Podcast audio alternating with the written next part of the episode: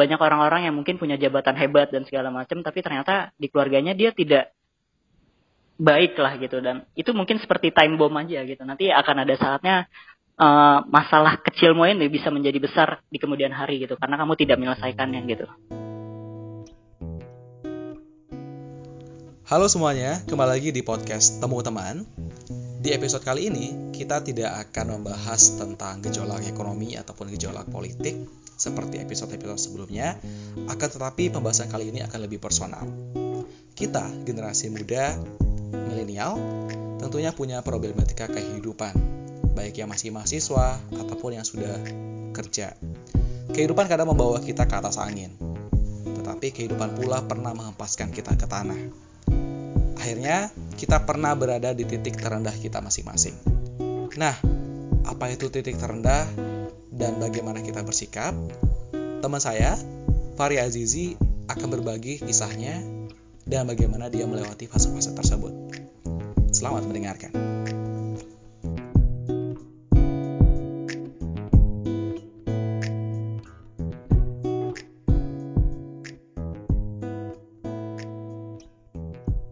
Halo, Halo. Bro.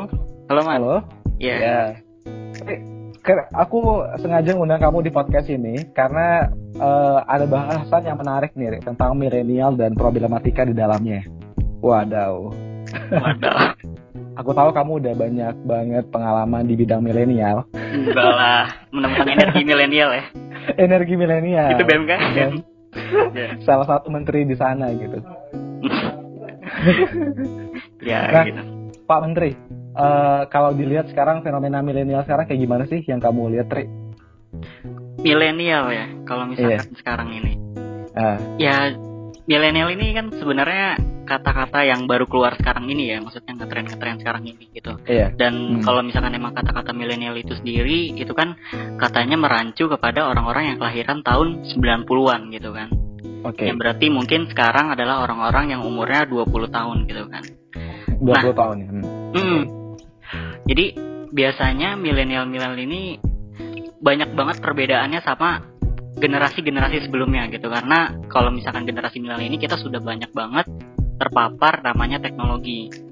Mm-mm. dan ya teknologi ini kan perkembangannya cepat banget terutama pas lagi generasi milenial gitu. Jadi mungkin teman-teman ngerasain ya pas lagi tahun 90-an itu belum internet belum terlalu booming tapi pas lagi tahun 2000 internet mulai booming tahun 2010 bahkan kayak ibaratnya internet ini mulai booming lagi dan bahkan kayak sekarang aja hampir semua orang mungkin sudah punya smartphone gitu dan mungkin generasi yang paling merasakannya adalah generasi milenial ini gitu perkembangan teknologi yang sangat cepat itu ya Mhm. itulah milenial gitu nah tapi di satu sisi ketika akhirnya teknologi ini banyak banget berkembangnya pasti ada aspek-aspek lain yang juga berkembang gitu terutama mungkin dari aspek psikologisnya gitu dari milenial itu sendiri gitu. Nah kita lihat sendiri kan maksudnya banyak banget nih di milenial ini yang pasti punya media sosial gitu kan. Media sosial yang dia ini bisa lah um, share kegiatan-kegiatan dia setiap hari gitu kan. Nah Iya. Mungkin ada sisi positifnya gitu mungkin sisi positifnya kita tahu kabar teman-teman kita kita tahu apa kegiatan teman-teman kita dan segala macamnya gitu tapi uh, beberapa orang mungkin ada juga yang melihat ini sebagai sisi negatifnya gitu dan akhirnya uh, milenial milenial ini katanya ya katanya itu cenderung mungkin membanding-bandingkan dirinya dengan orang lain gitu karena Wah. emang Oke.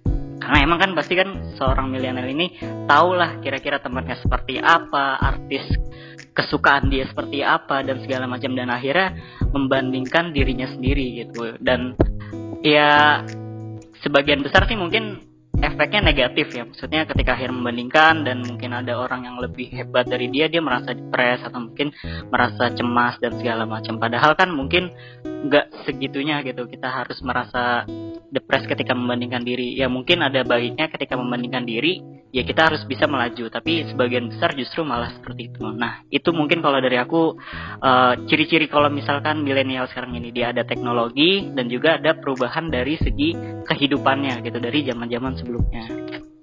Oke. Tadi aku nangkapnya tentang ada sisi positifnya, ada sisi negatifnya dari kehadiran teknologi nih. Rik. Iya. Ya. Nah, Hmm. nah uh, tadi akhirnya berujung pada kita membandingkan diri kita dan lain sebagainya gitu. Apakah itu benar-benar ada di mungkin di kehidupan kampus gitu? Oh iya pasti pasti ada mungkin kehidupan kampus. Oke. Okay. Maksudnya kan di kehidupan kampus ini ya. Yeah. Uh, pasti kita membayangkan maksudnya kita kan di lingkungan kampus yang mungkin kita ya punya teman sebaya pastinya kan gitu dan akhirnya teman teman kita ini adalah satu patokan kita sukses atau tidaknya diri kita gitu. Oke. Okay. Uh. Ketika teman kita emang kita, maksudnya hebat-hebat dan segala macam, ya mungkin kamu pernah merasakannya ya. Maksudnya kan mm-hmm. uh, pernah di asrama yang mungkin orangnya ambis-ambis dan segala macam, yang itu uh, positifnya adalah kita bisa membandingkan, oh ternyata teman kita juga bisa. Kenapa kita juga nggak bisa? Kenapa kita nggak bisa juga seperti mereka dan akhirnya memacu yeah. gitu tapi terkadang kalau misalkan emang akhirnya kita over terhadap pemikiran itu dan akhirnya kita justru malah nggak bisa mencapai sesuatu yang emang mirip dengan sesuatu yang dari teman kita, kita malah cenderung mungkin menyalahkan diri kita dan akhirnya ya kita menjadi seperti ya apa ya cemas atau mungkin depresi yeah. dan segala macam. Tapi ya itulah sisi positif dan negatifnya. Oh ya, tapi membandingkan diri itu sebenarnya boleh-boleh aja ya sebenarnya, asalkan dalam koridor yang masih dibatasi gitu kan. Iya. Jangan sampai jadi pikiran dan sebagainya. Hmm, bahkan gitu. ini ya, uh, ada sebuah bukan penelitian juga sih jadi kayak dulu itu ada batas pelari maksimal itu kalau nggak salah dia bisa berlari dalam 100 meter cuman dalam waktu berapa detik gitu okay. dan zaman 90-an nih kalau nggak salah dan akhirnya uh, semua orang itu nggak bisa. Dan akhirnya ada satu orang yang akhirnya bisa memecahkan rekor itu dengan lari 100 meter pas berapa detik lah gitu. Akhirnya di satu orang ini bisa. Dan setelah itu kan orang-orang wah ternyata lari dengan waktu segitu ternyata nggak mustahil gitu. Dan akhirnya setelah berkembangnya zaman orang banyak yang bisa lari cepat itu dengan waktu yang sama gitu dan mungkin ini patokan supaya kita apa ya ketika ada orang lain yang bisa juga meraih hal, yang ketidakmustahilan kenapa kita juga tidak bisa gitu. nah itu sisi positifnya gitu kan hmm tapi sisi negatifnya juga banyak banget ya kalau sampai ini berlarut-larut gitu sampai dengan hmm. uh, membuat apa namanya ada juga nih permasalahannya tentang wah aku ini nggak ada gunanya aku ini uh, apa namanya nggak ada manfaatnya gitu dengan keadaan sekarang gitu gitu Ri. dengan keadaan ada sekarang juga. oh iya apalagi corona ya kita nggak bisa ngapa-ngapain kan oke okay. nah, nah salah satunya oke okay, kamu mau hmm. ngomong apa lagi uh, gini uh, mungkin masalah ketidakmanfaatan kayak ibaratnya hidup itu tidak manfaatnya nah ini mungkin cocok banget pas lagi kita bulan puasa ya jadi aku pernah dengar filosofis dari Arab ya mungkin dari sisi Islam lah gitu mm-hmm. jadi intinya uh, ada seorang itu yang hidupnya biasa-biasa aja. Dia tinggal di gurun dia akhirnya bekerja dia menikah punya anak dan dia akhirnya pada penghujung umurnya dia pikir gitu kok hidup gue gini-gini aja? Nggak ada manfaatnya sama sekali gitu. Bahkan akhirnya dia pikir itu sampai dia meninggal gitu. Nah oh, okay. nah, nah. sampai dia meninggal dia mikir seperti itu tidak ada manfaatnya. Uh, ternyata ketika dia meninggal itu orang-orang kan pada pergi ya. Jadi dia tinggalnya di gurun Sahara. Orang-orang pada pergi. Biasanya kan orang gurun Sahara kalau nggak ada air dia pergi lagi ke tempat selanjutnya gitu kan. Mm-hmm. nah ketika orang-orang pada pergi mayatnya ditinggalkan di situ. Dan akhirnya ada nabi. Nabi melewati perkampungan itu dan dia tinggal sendiri di situ. Mayatnya belum dikuburkan. Nabi ini uh, dia mengubur ketika melihat mayat ini dia menguburkannya gitu dan akhirnya nabi berhenti di situ kan untuk menguburkannya gitu nah just, justru karena orang itu ketika akhirnya nabi menguburkan nabi itu terselamat dari perompak-perompak yang sudah mendugunya di uh, tempat yang sudah di pengen Nabi tuju gitu. Nah, gara-gara hmm. ma gara-gara mayat itu akhirnya Nabi bisa terselamatkan. Nah, mungkin itulah mungkin esensi kehidupannya gitu. Bahkan kayak orang itu yang dia ngerasa hidup ya tidak berguna sampai subur hidup sampai di akhirnya mati, dia tidak berguna gitu. Dia merasa tidak berguna. Tapi justru ketika dia meninggal pun uh, berguna banget untuk Nabi selamat dari kejaran dari perompak ini gitu loh. Justru iya. kalau nabi okay. nabi ini nggak ber, nggak berhenti di tempat itu, dia nggak bakal selamat gitu. Justru orang ini yang ngerasa ber, tidak berguna sangat berguna bagi nabi untuk menyelamatkan dirinya gitu loh. Mm -mm. Atau jangan-jangan semasa hidupnya dia tidak menemukan aja gitu ya kebermanfaatan dirinya terhadap orang lain gitu. Iya mungkin itu aja yang tidak maksudnya pasti ya adalah sesuatu yang mungkin kita bisa kasih atau apa gitu. Walaupun emang bahkan sampai seumur hidup kita biasa-biasa aja kita menjadi orang yang mungkin tidak hebat dan segala macam tapi sebenarnya dampaknya itu sangat besar nanti ke depannya. Semua orang itu pasti punya perannya masing-masing dan Allah sudah mengatur lah gitu apa Masya Allah. Edisi Ramadan ya. Obo, omongannya Pak Menteri banget nih. Tadi Ri, kamu bilang tentang masalah apa namanya uh, kebermanfaatan. Nah, apakah ini bisa menjadi indikator ya? Karena soalnya yang dibilang orang itu sukses adalah ketika kamu punya jabatan, misalnya, ketika IPK kamu gede, ketika kamu dipandang prestisius di kampus, gitu gitulah, yang material kayak gitu.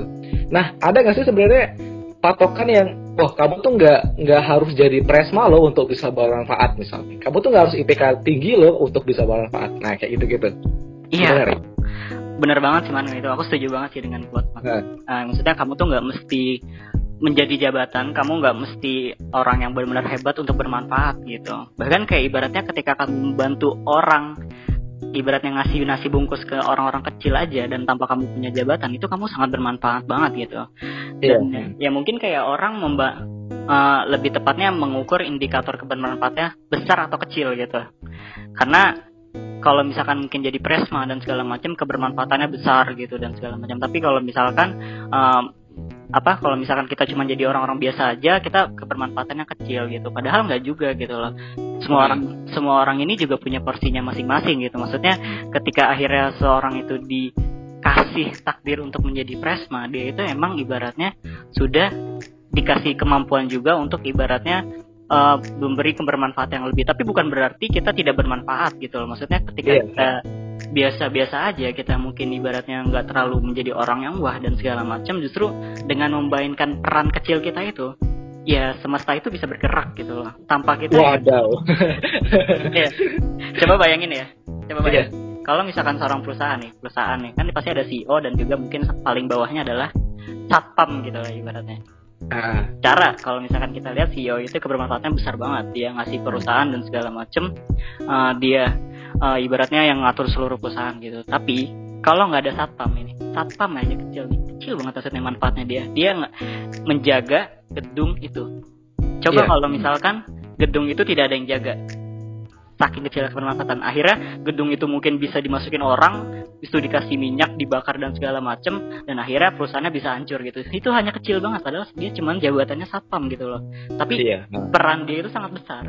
Dan kebermanfaatannya mungkin tidak sebanding dengan uh, CEO ya tapi justru peran dia itu menjadi vital walaupun dia orang yang kecil gitu dan semua orang itu ya punya porsinya masing-masing untuk mengisi gitu loh tempatnya di mana dia. Yeah. Oke, okay. jadi no matter tentang posisi kita di mana pun, yang penting kita bergerak dengan peran kita masing-masing gitu ya, Rik. Iya, dengan posisi kita masing-masing dan yang penting ya kita juga mindsetnya adalah uh, ngasih memberilah membantu orang lain gitu kan. Kadang ada juga orang yang kayak ibaratnya uh, incer jabatan hanya untuk dapat duit dan segala macam tanpa memberikan manfaatnya. Nah itu mungkin yang lebih salahnya lagi gitu kan. Oke okay, mantap. Kalau kamu tipe yang mana Ri? aku ya ya biar orang lain saja yang menilai lah ya. Karena kadang niat orang tuh susah untuk dinilai Karena aku udah mulai mancing loh tadi, tapi nggak kepancing ternyata Pak Menteri ya. Oke. Okay. Gimana nih pancing apa nih pancing mania mantap?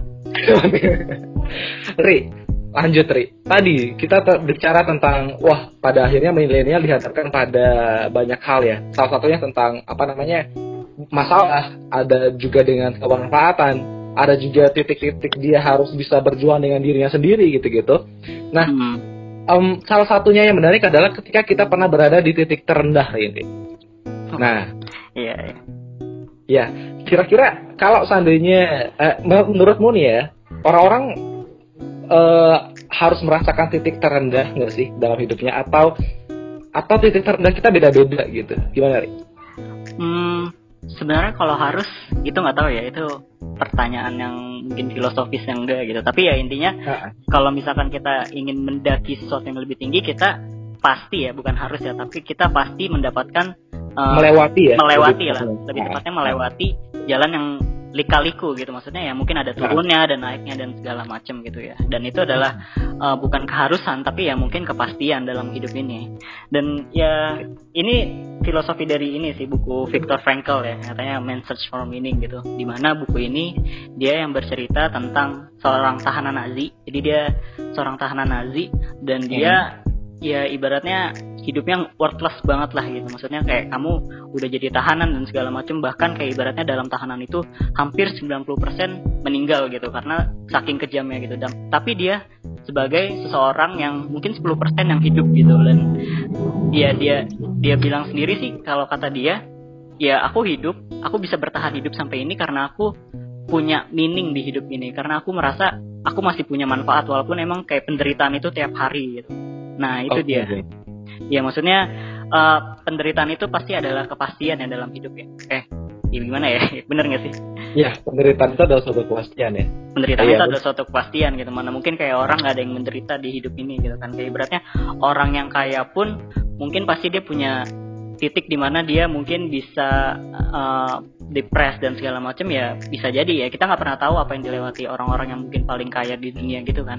Dan yeah. yang pasti uh, semua orang ini mau dia kaya, mau dia miskin, mau dia hebat dan segala macam pasti dia punya penderitaannya masing-masing gitu. Tapi bagaimana cara kita untuk um, mengartikan gitu, mengartikan apa dari arti dari penderitaan ini gitu. Dan okay. bahkan cenderung apa ya kayak ibaratnya sebuah otot lah gitu ya tanpa penderitaan otot kita itu tidak terbentuk gitu kayak misalkan kita olahraga gitu kan okay. olahraga mau bentuk otot perutnya sispek gitu kan. Wah Herman banget ini. Nah, aku banget aku banget. Pengen jadi sispek lah gitu kan. Uh ya dia harus melalui penderitaan untuk olahraga yang berat. itu ya? Hmm. dia juga harus melewati penderitaan yang ibaratnya uh, menahan sakit perut ketika otot-ototnya rusak gitu loh. Karena otot ini tidak akan terbentuk ketika uh, kalau dia nggak rusak gitu loh. Tidak dirusak terlebih dahulu gitu loh. Dan mungkin ya itu uh, apa ya ini slogan atau moto apa gitu iklan no pain no gain gitu. Aku lupa. Eh, oke. Okay. ya sensor no pain no gain ya? No pain no gain. No pain no gain lah gitu. Iya. Nah Ri tapi masalah tentang orang oke okay, tiap orang pasti pernah berada di titik terendahnya masing-masing. Tapi setiap orang punya kapasitasnya masing-masing juga nih Ri. ada yang cepat bangkit ada juga yang berlarut-larut dalam depresinya. Akhirnya akhirnya ter, apa namanya ya terkurung di kamar misalnya terus ada juga yang mencoba untuk bis, uh, mengakhiri hidup sampai ke sana gitu-gitu. Nah ada nggak sih sebenarnya langkah-langkah yang perlu kita lalui sehingga oke okay, ini masalah tapi gua gua bisa loh ngelewatin ini gitu misal. Ada nggak sih tips-tips? Hmm, tips-tipsnya ya? Wah. Yeah. sebenarnya uh, kalau tipsnya sih apa ya ya mungkin aku cerita aja ya. Maksudnya gue aku cerita kalau misalkan dulu ini pernah masuk titik terendah yang di mana uh, dulu ya mungkin depres banget dan waktunya mungkin hampir sekitar setahun lah gitu kan. Dan itu Wah, cenderung okay. cukup lama kan gitu ya maksudnya. Satu tahun tuh? Iya hampir lah, hampir satu tahun oh. gitu dan uh, sebenarnya apa yang aku pelajari dari itu ya pasti ketika akhirnya kita berada di titik terendah gitu loh. Kita punya kecenderungan untuk mikir yang aneh-aneh itu pasti itu. Dan mungkin ya kayak pikirannya uh, yang mungkin tadi salah satunya kayak kamu ada yang gak kuat akhirnya bunuh diri dan segala macam ada yang mungkin dia uh, tetap bertahan dan akhirnya tetap hidup gitu. Dan yang pasti uh, kalau dari aku kenapa akhirnya aku bisa bertahan seperti ini?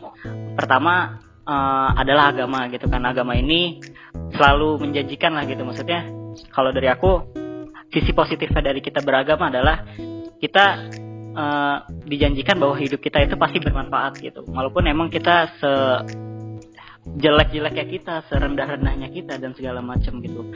Dan hmm. ya dari agama sendiri akhirnya uh, aku bisa bertahan gitu. Mungkin kayak bukan justru kayak uh, mohon maaf ya bukan ketika agama mungkin lagi sholat tetapi justru mungkin ketika akhirnya aku menerapkan prinsip-prinsip agama gitu. Kayak ibaratnya la tahzan gitu. Inna Allah mana janganlah bersedih. Allah itu bersama kita gitu loh. Dan okay. hmm. ya akhirnya prinsip-prinsip agama itu yang mungkin aku bertahan gitu. Ya ini bukan tips sih. Tapi ya mungkin sekedar ibaratnya teman-teman ini bisalah memakai prinsip-prinsip agama ini untuk bisa bertahan gitu ya kalau dari aku sih kayak gitu Oke.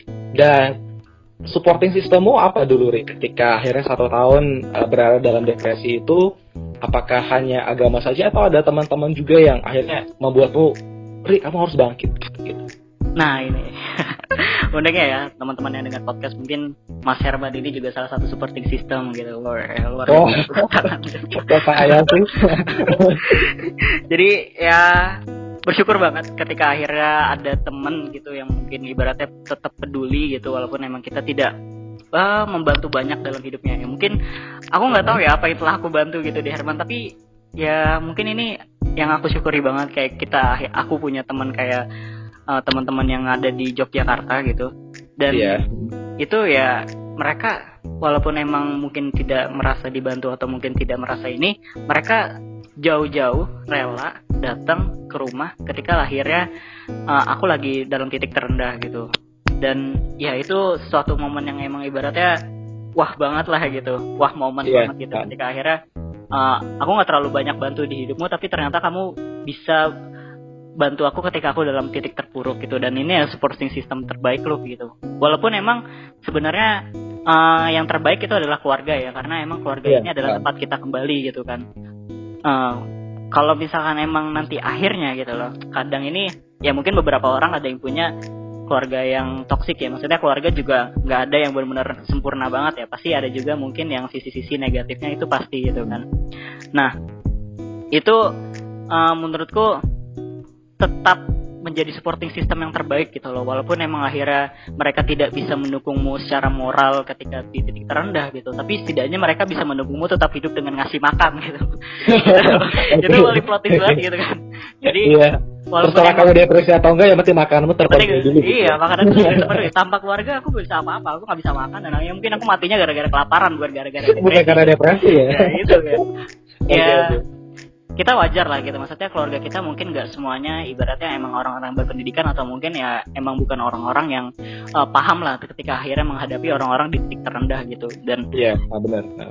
nah, yang pasti walaupun emang mereka tidak paham gitu loh mereka ini ada untuk kamu ketika kamu wala apa ketika kamu lagi di titik terendah gitu mereka nggak mungkin nggak pernah ada mereka nggak mungkin tidak pernah membantu walaupun kamu emang ibaratnya susah untuk dibantu gitu. Atau mungkin kayak ibaratnya cara mereka membantu itu tidak Iya. tidak cocok dengan apa yang kayak kepengenan gitu. Tapi ya sebenarnya cara tidak langsung ya justru itu yang kamu butuhkan itu adalah bantuan sekecil apa pun. Ketika titik terendah bantuan sekecil apa pun ya itu tuh sangat membantu kamu untuk tetap bertahan gitu loh.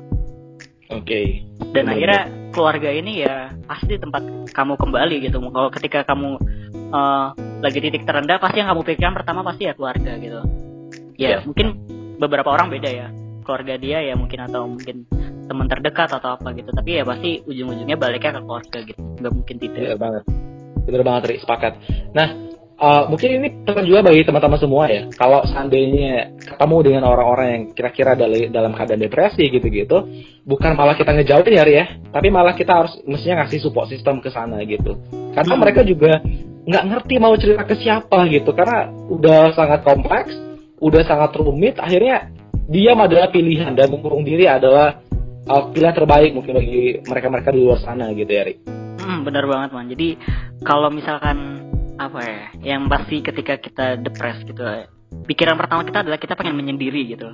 Ah. Pasti gitu, menyendiri dan mungkin uh, bukan cuma menyendiri sih, tapi kayak ibaratnya pengen membuang lah semua emosi negatifnya gitu loh.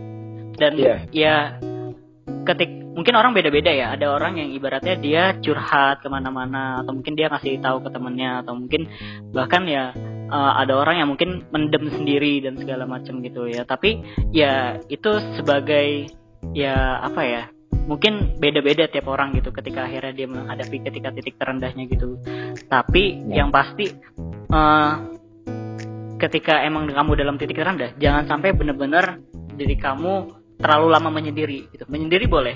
Menyendiri boleh. Mungkin kayak ibaratnya kamu merenungkan apa yang emang kamu rasakan. Tapi jangan sampai ketika akhirnya kamu sudah bener-bener merasa pengen banget meledak gitu. Nah ya meledak Ah. bukan bukan berarti ada bomnya gitu ya. Tapi maksudnya ah gitulah pasti ada titik di mana kayak kamu udah bener-bener ini ya cobalah ceritakan masalahmu gitu. Walaupun emang Iya. uh, kadang kamu nggak dapat solusi gitu. Apa yang emang kamu ceritakan gitu. Tapi ya setidaknya dengan akhirnya kamu menceritakan bisa jadi kamu lega gitu. Karena kamu telah membuang apa yang telah kamu pikirkan gitu.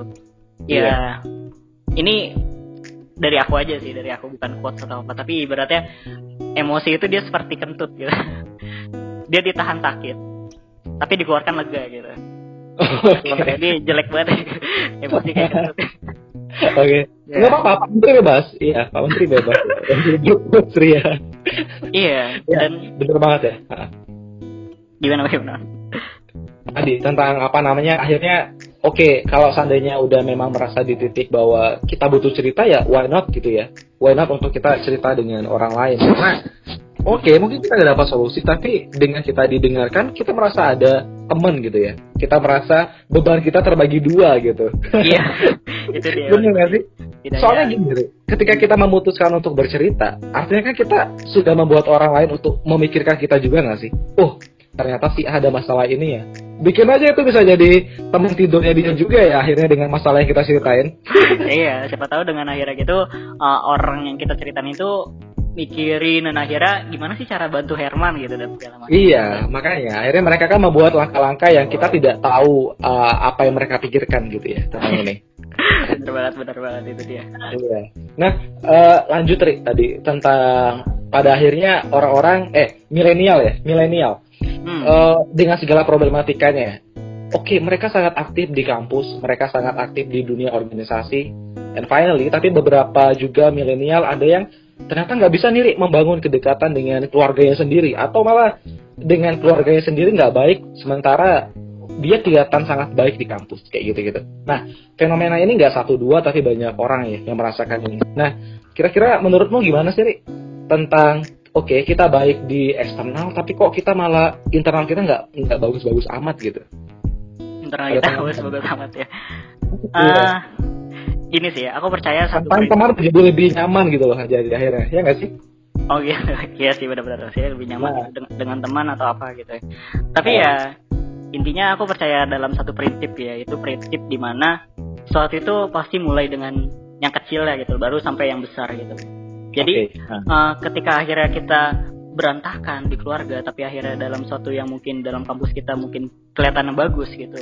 Dan sebenarnya ke depannya ya itu bu- bu- bukan jaminan kayak kamu bakal bagus terus gitu karena hal kecil aja ketika kamu mengabaikan keluargamu ketika kamu berantem dengan keluargamu kamu aja tidak bisa membereskannya gitu loh apalagi kayak hal-hal besar gitu dan ini pasti berdampak gitu loh ketika iya. nah. uh, ke depannya gitu. Mungkin ada orang ini sekarang nih kayak ibaratnya di jabatannya dia dia hebat dan segala macam gitu. Tapi itu kayak sebenarnya uh, time bomb aja. Belum ada waktu yang tepat ketika akhirnya uh, bisa aja semua itu berantakan karena ada hal kecil yang itu tuh bisa mengganggu gitu. Contohnya ketika mungkin dia uh, lagi jabat lah gitu dan segala macam. Tapi ternyata keluarganya dia uh, masih cekcok gitu. Dan akhirnya bisa jadi dia kepikiran kan gitu. Maksudnya Iya, Uh, iya, dalam dalam satu sisi oh aku lagi jabat dan segala macam tapi justru ada pikiran yang mengganggu aku dan akhirnya ketika ada gangguan pikiran itu dia tidak bisa menyelesaikan apa yang ketika dia jabat itu dan ya justru keluarga itu adalah bagian terkecil dalam hidup hidupmu gitu ketika kamu keluarganya aja belum beres bagaimana kamu bisa membereskan sesuatu yang lebih besar gitu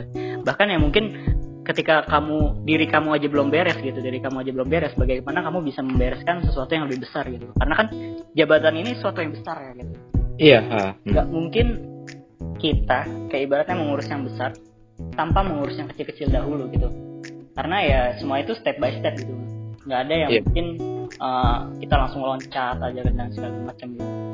Ya nggak ada sih kalau kalau dari aku sih tahu dalam sumber hidupku nggak ada sih kita. Iya, semuanya bisa berawal dari hal kecil ya. Nah, setuju banget. setuju banget kalau eh, mestinya teman-teman kita mau- walaupun di- diri kita sendiri juga ya mestinya Hmm. kita adanya ada masalah dengan keluarga atau dengan siapa pun at least kita menyelesaikannya dulu ya. Bukan karena bukan malah organisasi bukan malah kuliah atau bukan malah teman-teman di luar sana menjadikan kita pelarian dari masalah itu gitu. Karena banyak banget nih sekarang ya udah deh keluarga gua berantakan keluarga gua nggak baik. Akhirnya eh, ya udah akhirnya dia nyaman dengan kehidupan di luarnya gitu. Ya banyak banget dari yang kayak gini. Mestinya mestinya itu ya kita nggak bisa membuat ini menjadi pelarian tapi you have to face it gitu. Face it like a man. Iya benar benar benar benar iya. Uh, mungkin uh, pernah dengar cerita juga gitu ya. Uh, salah tuh? satu teman asrama gitu. Bukan sorry banget ya aku nggak nggak ada cerita jadi kamu aja yang cerita. Nggak apa-apa.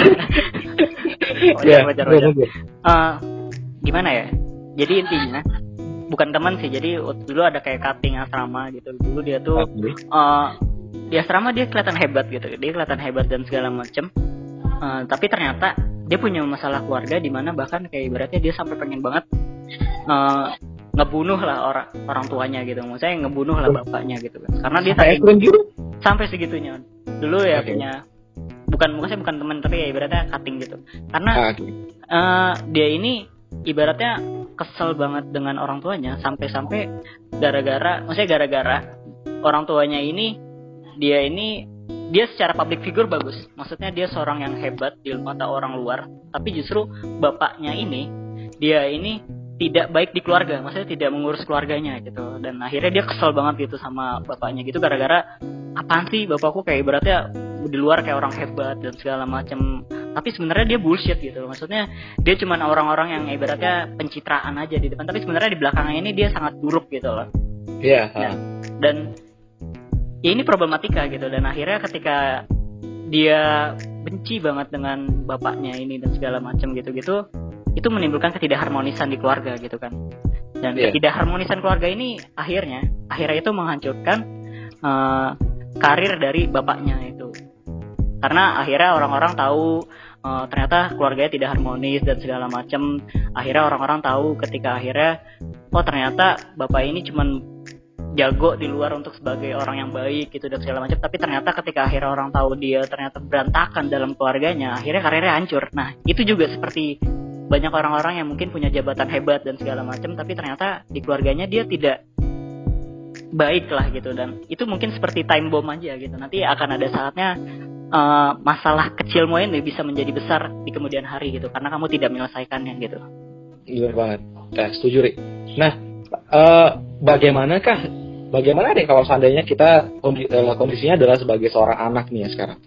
Gimana eh, cara nyelesain masalah keluarga sementara kita ya biasanya yang didekte, kamu harus ini, kamu harus ini, gitu-gitu.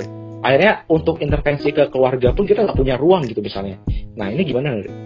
nggak punya ruang ya Iya, Iya. bahkan kan ada tuh orang-orang yang susah banget memperkenalkan keluarganya atau dia ya karena udah terlanjur benci akhirnya nggak mau ngobrol gitu-gitu. A- apa langkah utamanya? Apa kita oke stop ngomong gitu?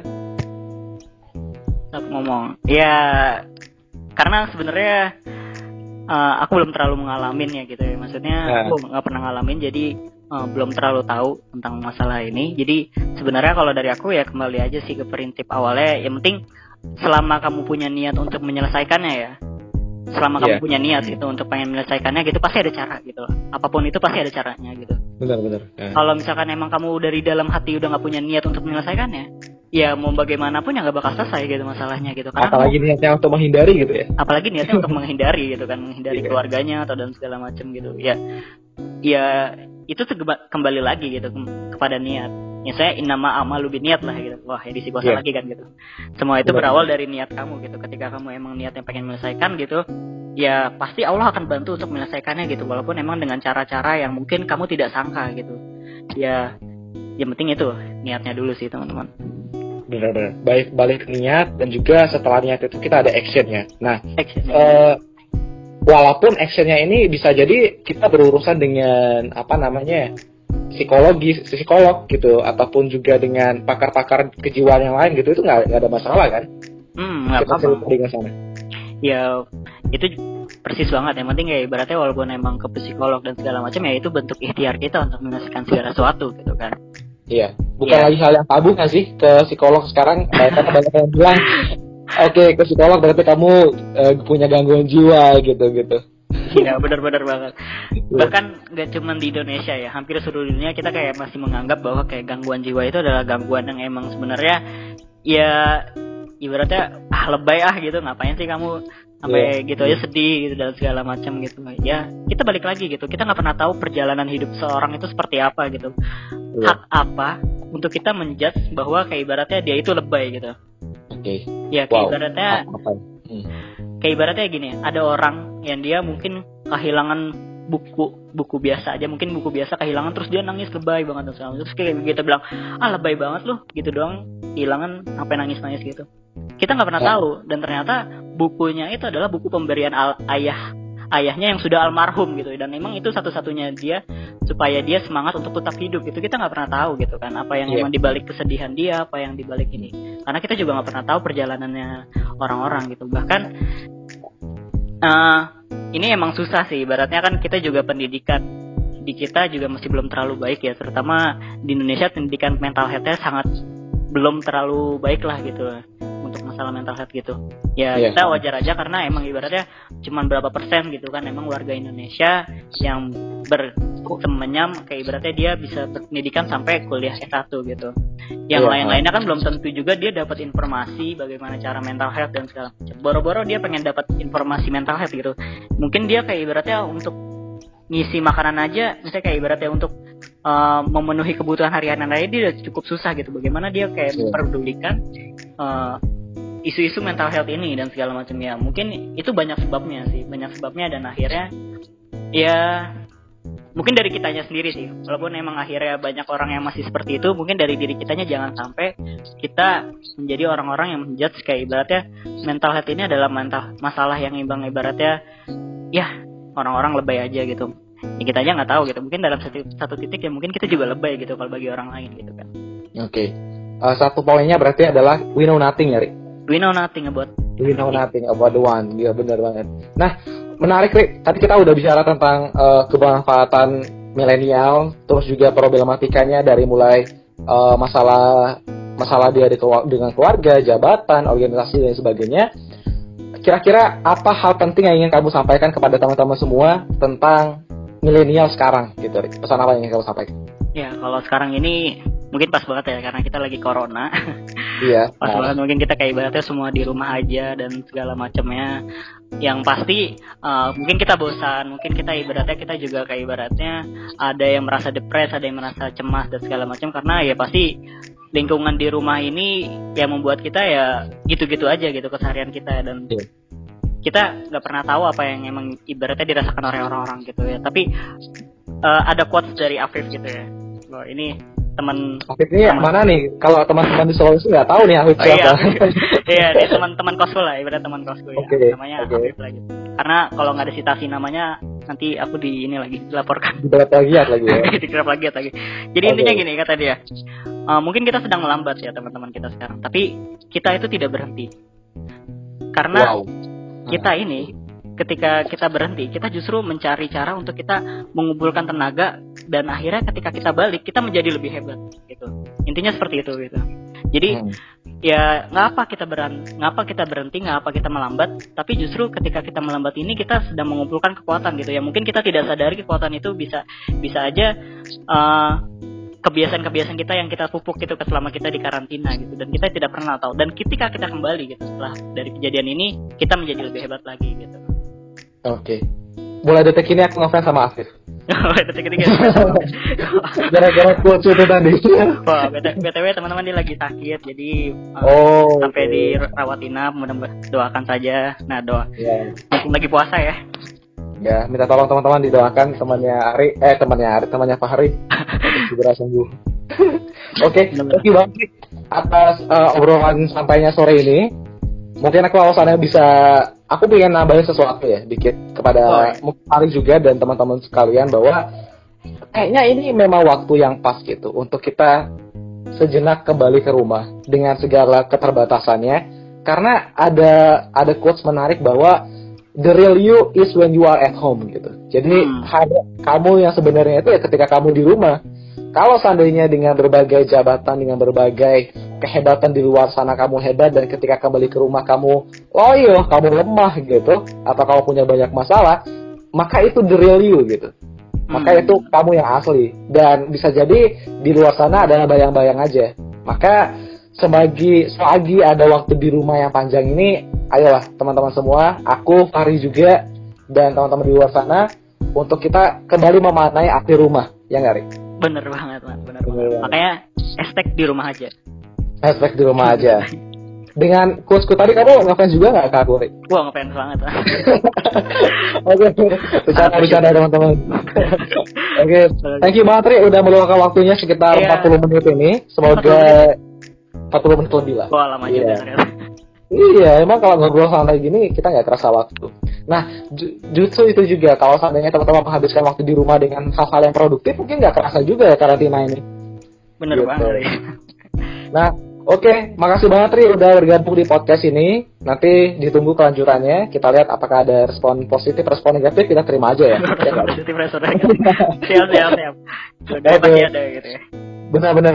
Thank you Ri. Keep keep healthy, stay at home, dan semoga kita bisa diberikan kebaikan. Amin Amin, amin. Makasih. Assalamualaikum warahmatullahi wabarakatuh. Waalaikumsalam warahmatullahi wabarakatuh